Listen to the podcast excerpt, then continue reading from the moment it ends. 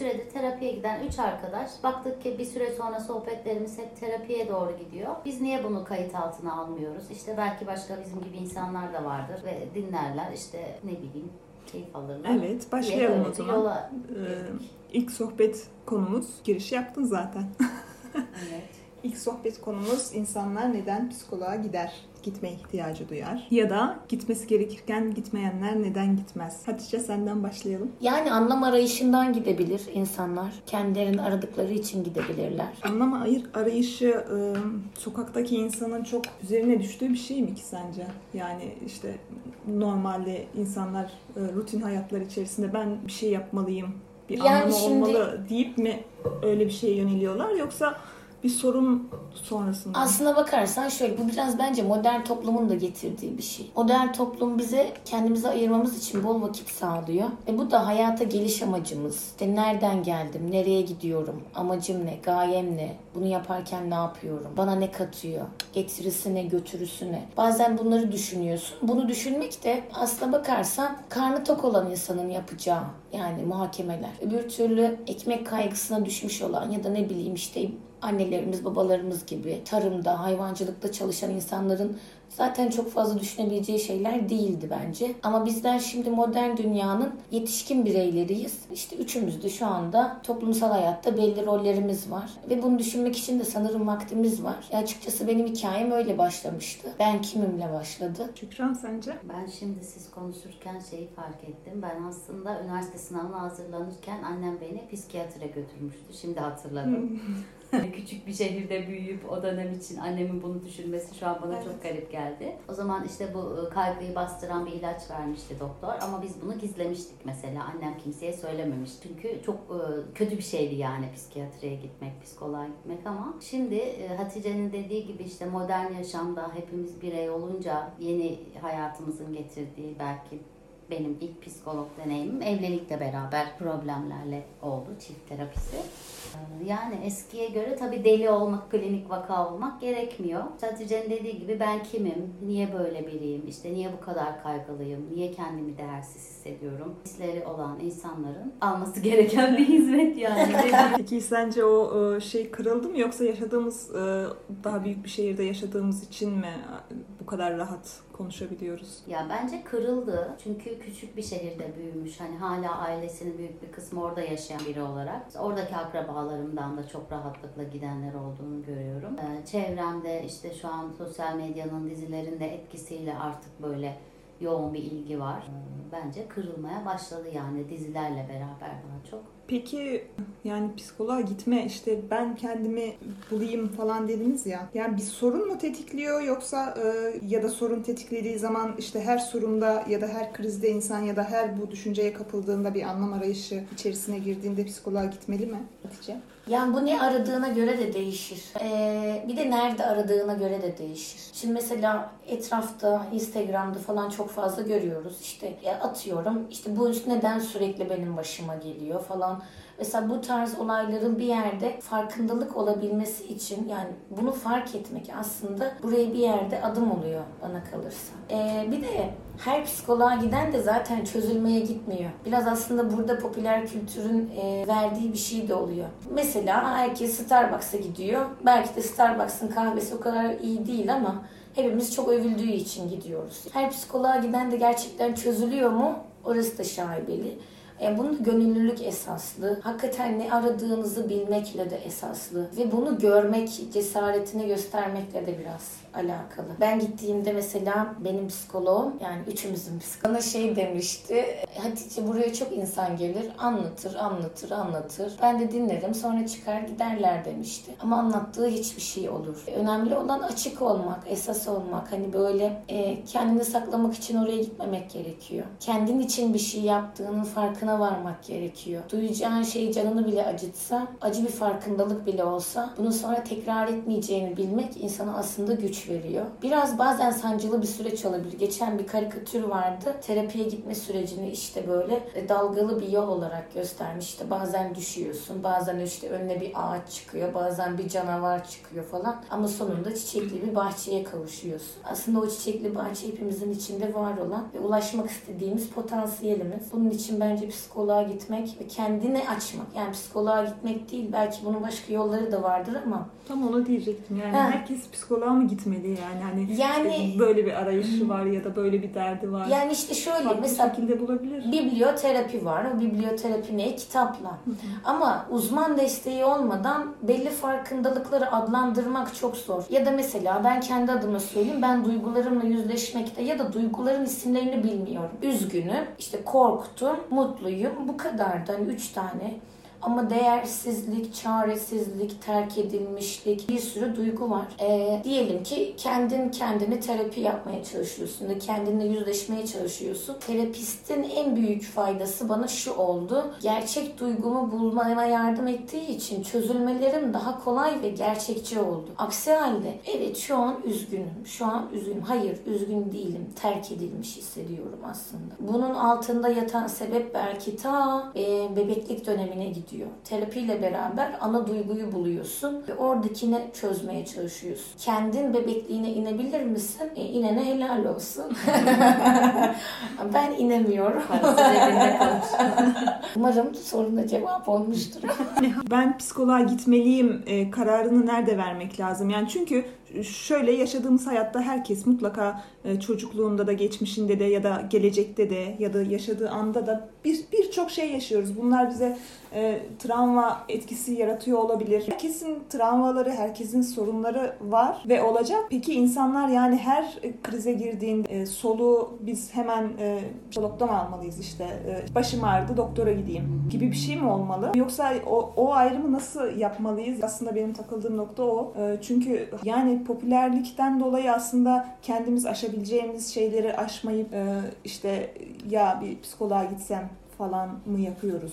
Ya da kendimizin aşma e, çabası daha faydalı olabilir mi? E, Bunu anlamaya çalışıyorum. Ya ben de Hatice'nin dediği gibi o duyguyu tanıyabiliyorsa insan hani ben tanımıyordum mesela işte bir şey olduğunda niye böyle hissettiğimi bilmiyordum ve o hissettiğim şey beni çok rahatsız ediyordu. Ha bazen biliyordum dediğin gibi hani terk edilmişlik ya da değersizlik bendeki çok e, baskın duyguydu ama bir kere bunu nasıl çözeceğimi bilmiyorum. Ee, yıllarca bunu çözdüğümü düşünerek alışverişler yaptım. işte gezdim. Ee, o sorunun olduğu alana girmemek için işte mücadele ettim. Hani onun dışındaki alanlarda aradım mutluluğu ama aslında oraya gidip hani o duyguyla yüzleşmem gerektiğini terapiye gittiğimde anladım. Ee, yani o kaçışlar işte ne bileyim alışveriş yaptığımda kendimi çok mutlu hissettiğim bir dönem de oldu evet ama geçici bir mutluluktu. Yani şu an terapiye gittiğimde tamam ya işte ben bu yüzden sürekli zayıflamak istiyormuşum. Hep bir zayıflama derdim var ama nereden kaynaklandığını bilmiyorum mesela. Ay 2 kilo alırım,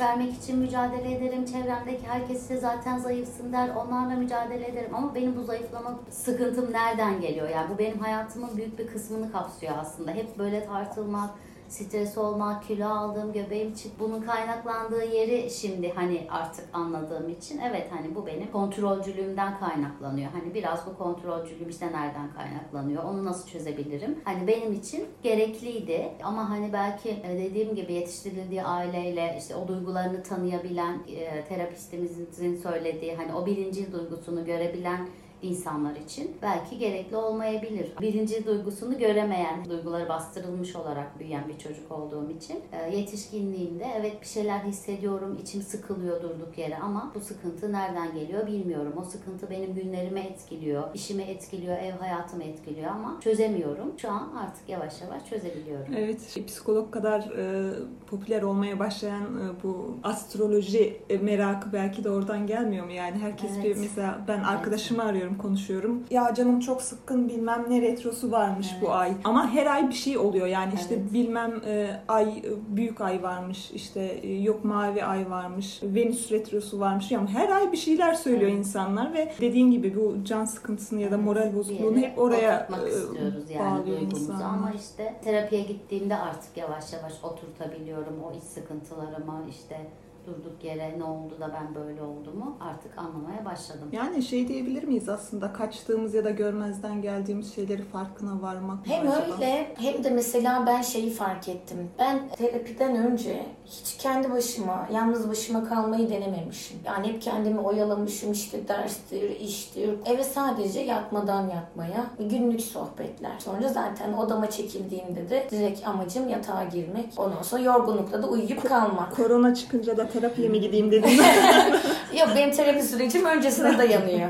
Koronadan öncesine dayanıyor ama Koronadan önce hiç yalnız başıma kalmayı denememişim. Aslında bu beni biraz ürkütüyordu ama öteden terapi e, geçmişim olduğundan dolayı bana kazançları oldu. Yani ben zaten kendimle kalmaya hazırdım. Birçok şeyimle yüzleşmiştim. E, koronada sadece eyleme dökmeler kalmış benim için. Bunları ciddi anlamda fark edip sonra baktım ben kendi başıma daha iyiyim. Sakinim. İşte öbür türlü onun derdine dinle. Buna derman olmaya çalış. Benim de mesela şey var. Sürekli bir yaralıları sarma.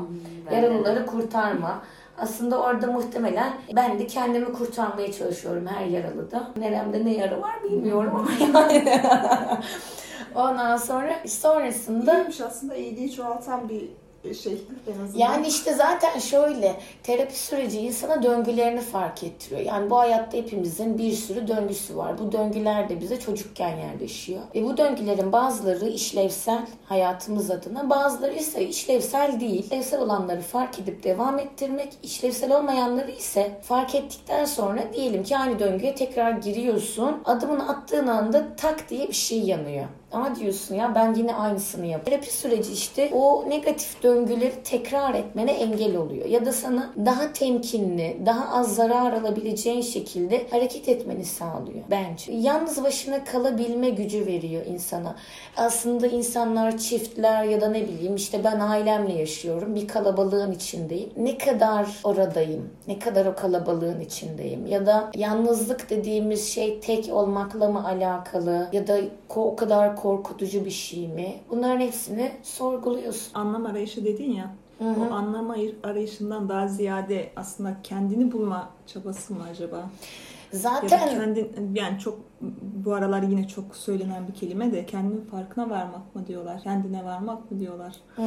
Kendini bulma çabası mı yani? Terapi süreci bana benim artık dokunmadığım Hatice kalmadı. Yani kaç yaşında, neredeki, hangi Hatice olursa olsun, hangi hatayı yapmış olursa olsun. Hata da değil aslında. Bazı deneyimler olumlu sonuçlanan, bazıları olumsuz sonuçlanan ama deneyim. Öbür türlü kafanı ellerin arasına alıp işte görmedim, duymadım, duymak istemiyorum deyip yoluna devam etmeye çalışıyor sanki insanlar dokunmadan, yaşamadan. Üzülmek bizim için büyük bir korku o. Ee, hayata orada değdiğini hissediyor insan. Ya elbette ki mutlu anlarda da değdiğini, dokunduğunu hissediyorsun ama hele ki bir belli bir üzüntünün içinden çıktıktan sonra muazzam bir keyfi var bence. Yani ya diyorsun ki ya ben iyi ki orada kalmışım, iyi ki onunla yüzleşmişim, iyi ki orada kalabilme imkanını iyi ki kendime vermişim diyor. Öbür türlü orayı yok saysan ki ben narsist tarafı baskın bir insanım. En güzel yöntemim yok saymak.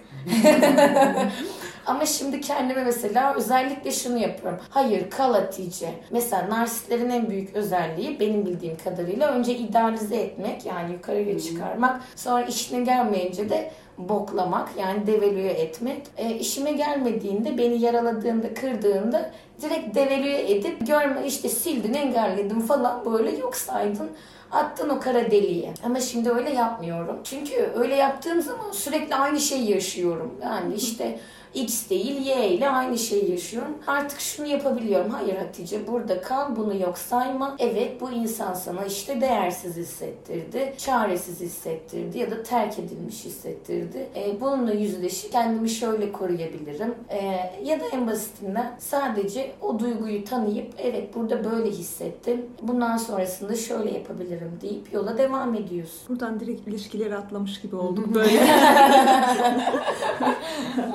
Olmaktan korktuğum yerde. Hayırlısı.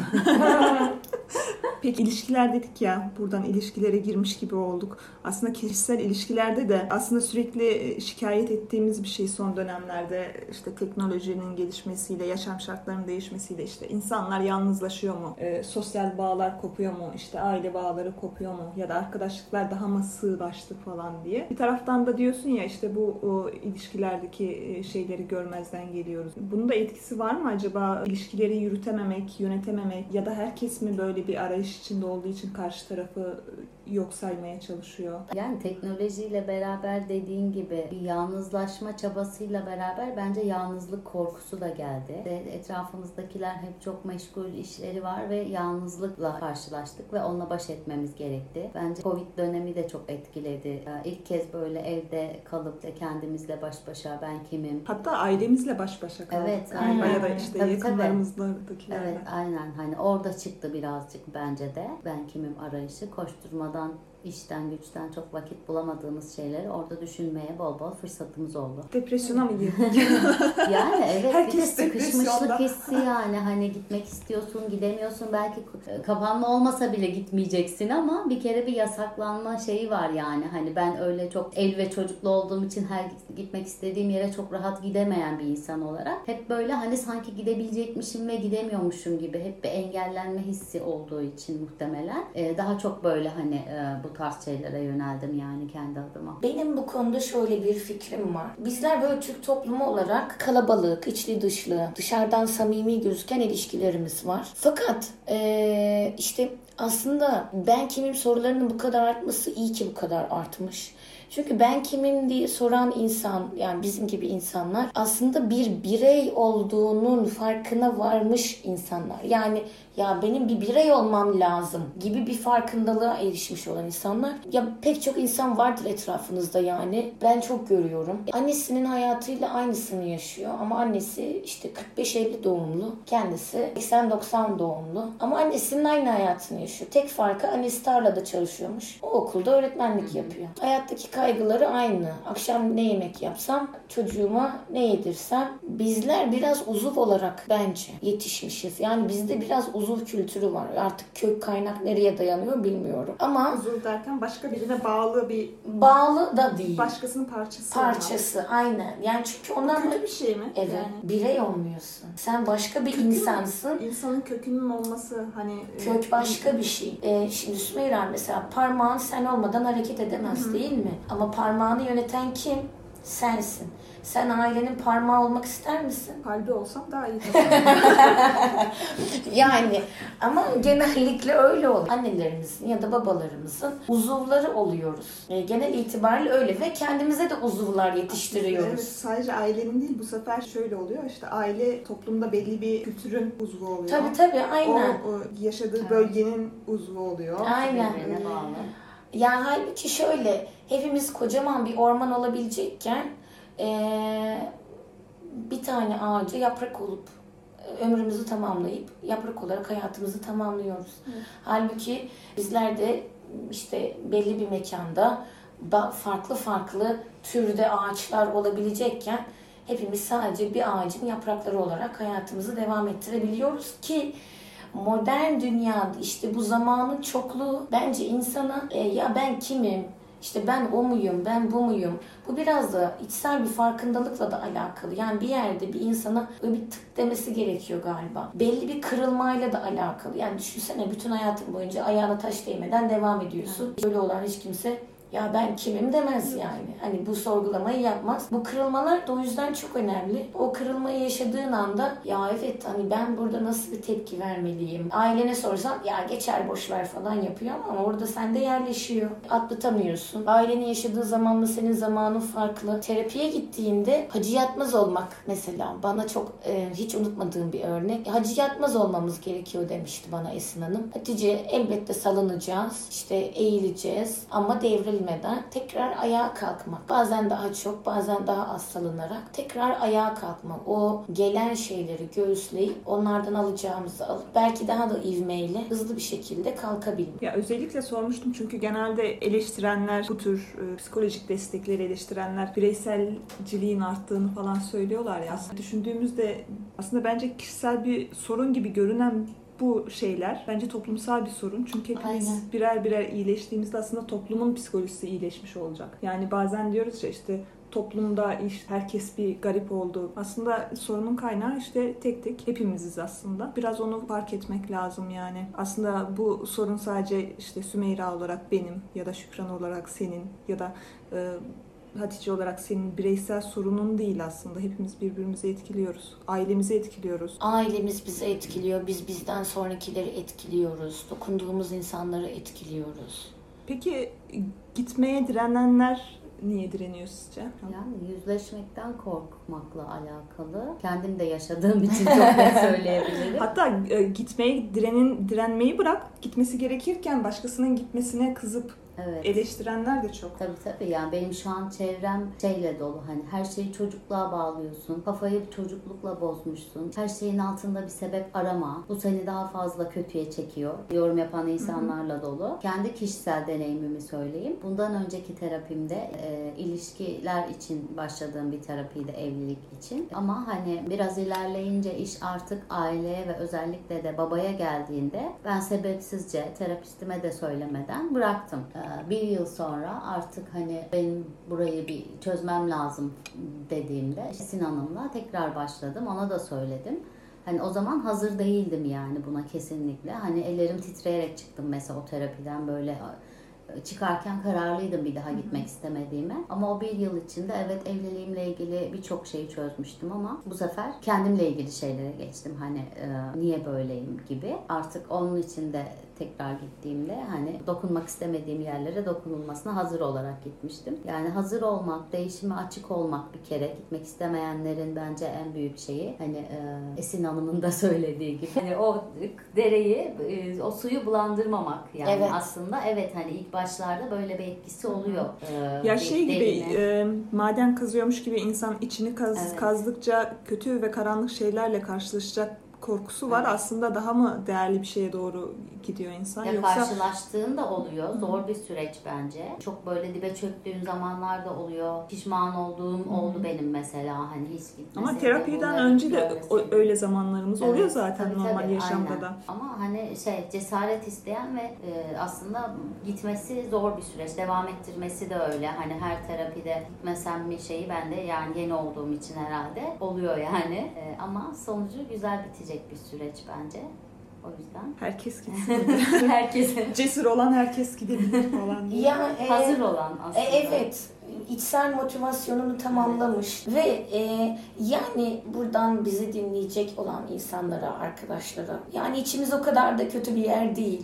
Ben gittim benimkine e, o kadar da korktuğum gibi değildi. Yani hani bilmediğim bir şey yoktu en azından. E, o kadar da yabancı değilmişim. E, ben böyle çok kötü şeyler göreceğim falan ya da işte çok kötü şeylerle karşılaşacağım falan diye düşünmüştüm ama korkmuştum. E, hatta bir yöntem var EMDR, EMDR. Onu yaptığımızda yani bununla direkt zaten e, imgeler şeklinde bilinç dışınızı görebiliyorsunuz. Sonra ben çok korkmuştum falan böyle ama e, baktım yani böyle güllük gülistanlık, yeşillik, çimlik bir yer. Umarım herkes aynı şeyi yaşar. e, mesela e, şey EMDR olmasa bile ben e, yani kendinizle ilgili Şükran'ın da böyle var. Kendinizle ilgili etrafın size yüklediği yanlış yargılar oluyor mesela. Ben kendimi ezik olarak tanımlıyordum. Bir gün Esin Hanım'la konuşurken bana durdu baktı ve dedi ki sen baskın bir karaktersin dedi ve ben direkt şöyle kaldım. Ve dedim nasıl dedim ben ezik değil miyim dedim. Yani direkt böyle sormuştum. Bunu bilmesi olman lazım. Yani ben senelerce kendimi ezik olarak tanımlamıştım. Çünkü işte duygusal tarafı ağır basan bir insanım falan filan. Dedim ki nasıl dedim yani ben dedim nasıl dedim ezik değilim yani hani kabullenemedim bir türlü bunu. Sonra işte bana örnekler gösterdi. Yani bunun en basit örneği de yani şu anda seni hayatında rahatsız eden ya da işte sınırlarını işgal ettiğini düşündüğün bir insan var mı dedi. Yok dedim yok. O zaman dedi yani sen e, ezik bir insan değilsin. Her isteyen senin hayatına girip çıkamıyor hani istediği zaman demişti. E ben öyle anlamıştım. Şükran senin farkındalığın neydi? Benim de ona benzer bir şey yine aileden yüklenen. Ben işte bundan birkaç yıl öncesine kadar kendimi çok sessiz bir insan olarak tanımlıyordum ve bunu da çok net herkese söylüyordum. Ben aslında çok sessiz bir insanım ama Sümeyra sen hani benim gibi biri olduğun için senle böyleyim. Hı. Aslında ben böyle değilim falan. Böyle inatla ben sessiz bir insanım, sessiz bir insanım. Sonra bir arkadaşım işte hayır sen sessiz bir insan değilsin ya niye böyle diyorsun ki dediğinde hala inatla hayır ya işte seninle çok ortak yanımız var.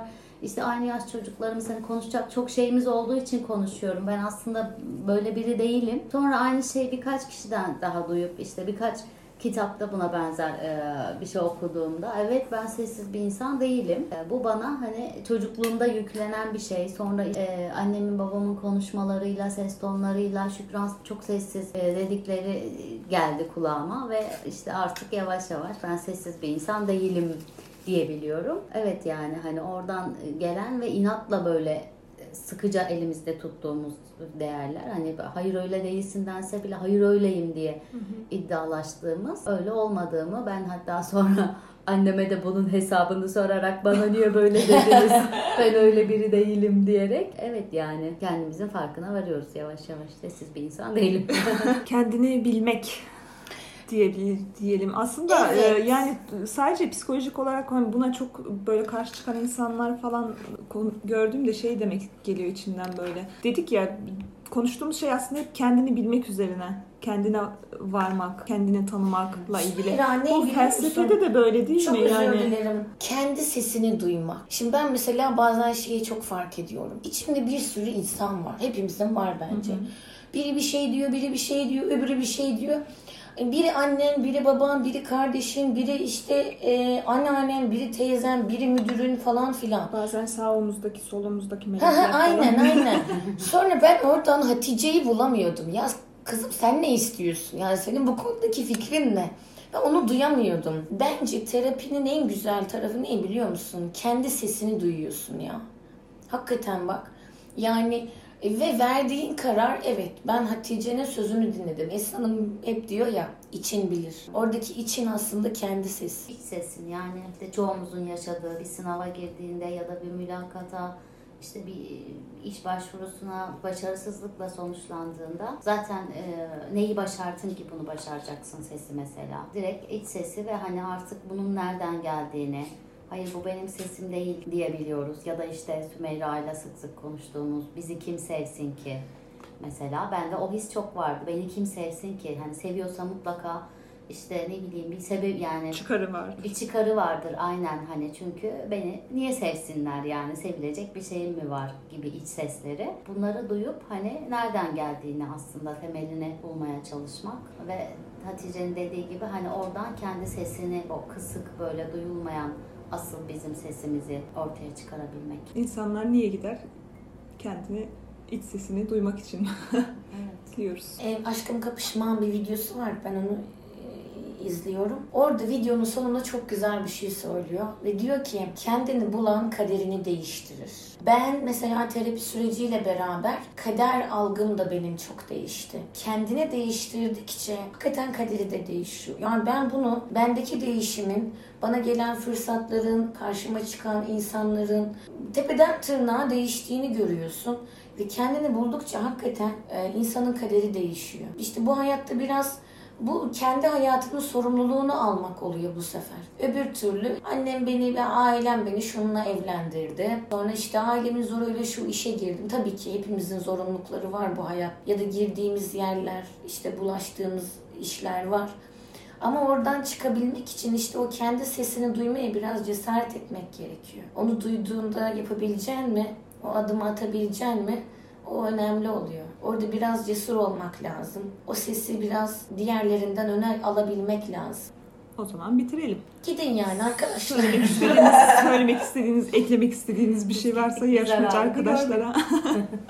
Yani bundan sonraki hayatlarının kendi içlerine daha sinerek yaşamak istiyorlarsa bence gitsinler. Bana ait bir hayat demek için gitsinler ya. Yani benim kişisel görüşüm şu. Herkes gitmek zorunda tabii ki değil. E, hiçbir zaman öyle bir zorunluluk yok. Öyle bir sıkışmışlıkta da illa gidilmesi insan kendisi baş edebiliyorsa, baş ettiğini düşünebiliyorsa gitmeyebilir. Ama buna bir e, böyle öcü gibi işte e, çok klinik vaka gibi işte e, deli misin de gidiyorsun evet. yok şöyle mi falan böyle bir toplumsal bir şeye girip baskı yaratmak ya da kötü bir şeymiş gibi nasıl işte başın ağrıyorsa ya da kalbinde bir sıkıntı varsa doktora gidiyorsun duygusal olarak ya da bilişsel olarak da bir sıkıntın varsa gitmen gerekiyor. Yani bu e, yüzyılların bilimi, bilim artık. Yani hani evet. yadırganacak bir tarafı yok. Bunu insanların fark etmesi gerekiyor bence.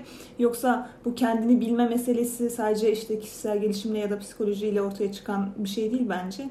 Tasavvufta var. Yani yüzyıllardır e, kültürümüzde, halk kültürümüzde var. Yunus Emre ilim kendini bilmektir hmm. demiyor mu? Annelerimiz, babalarımız bize dua ederken Allah kendini bilenle eşitsin evet. diye bir şey vardı. Yani çok basit görünüyor ama kendini bilmek zaten hani kültürümüzde sürekli vurgu yapılan bir şey.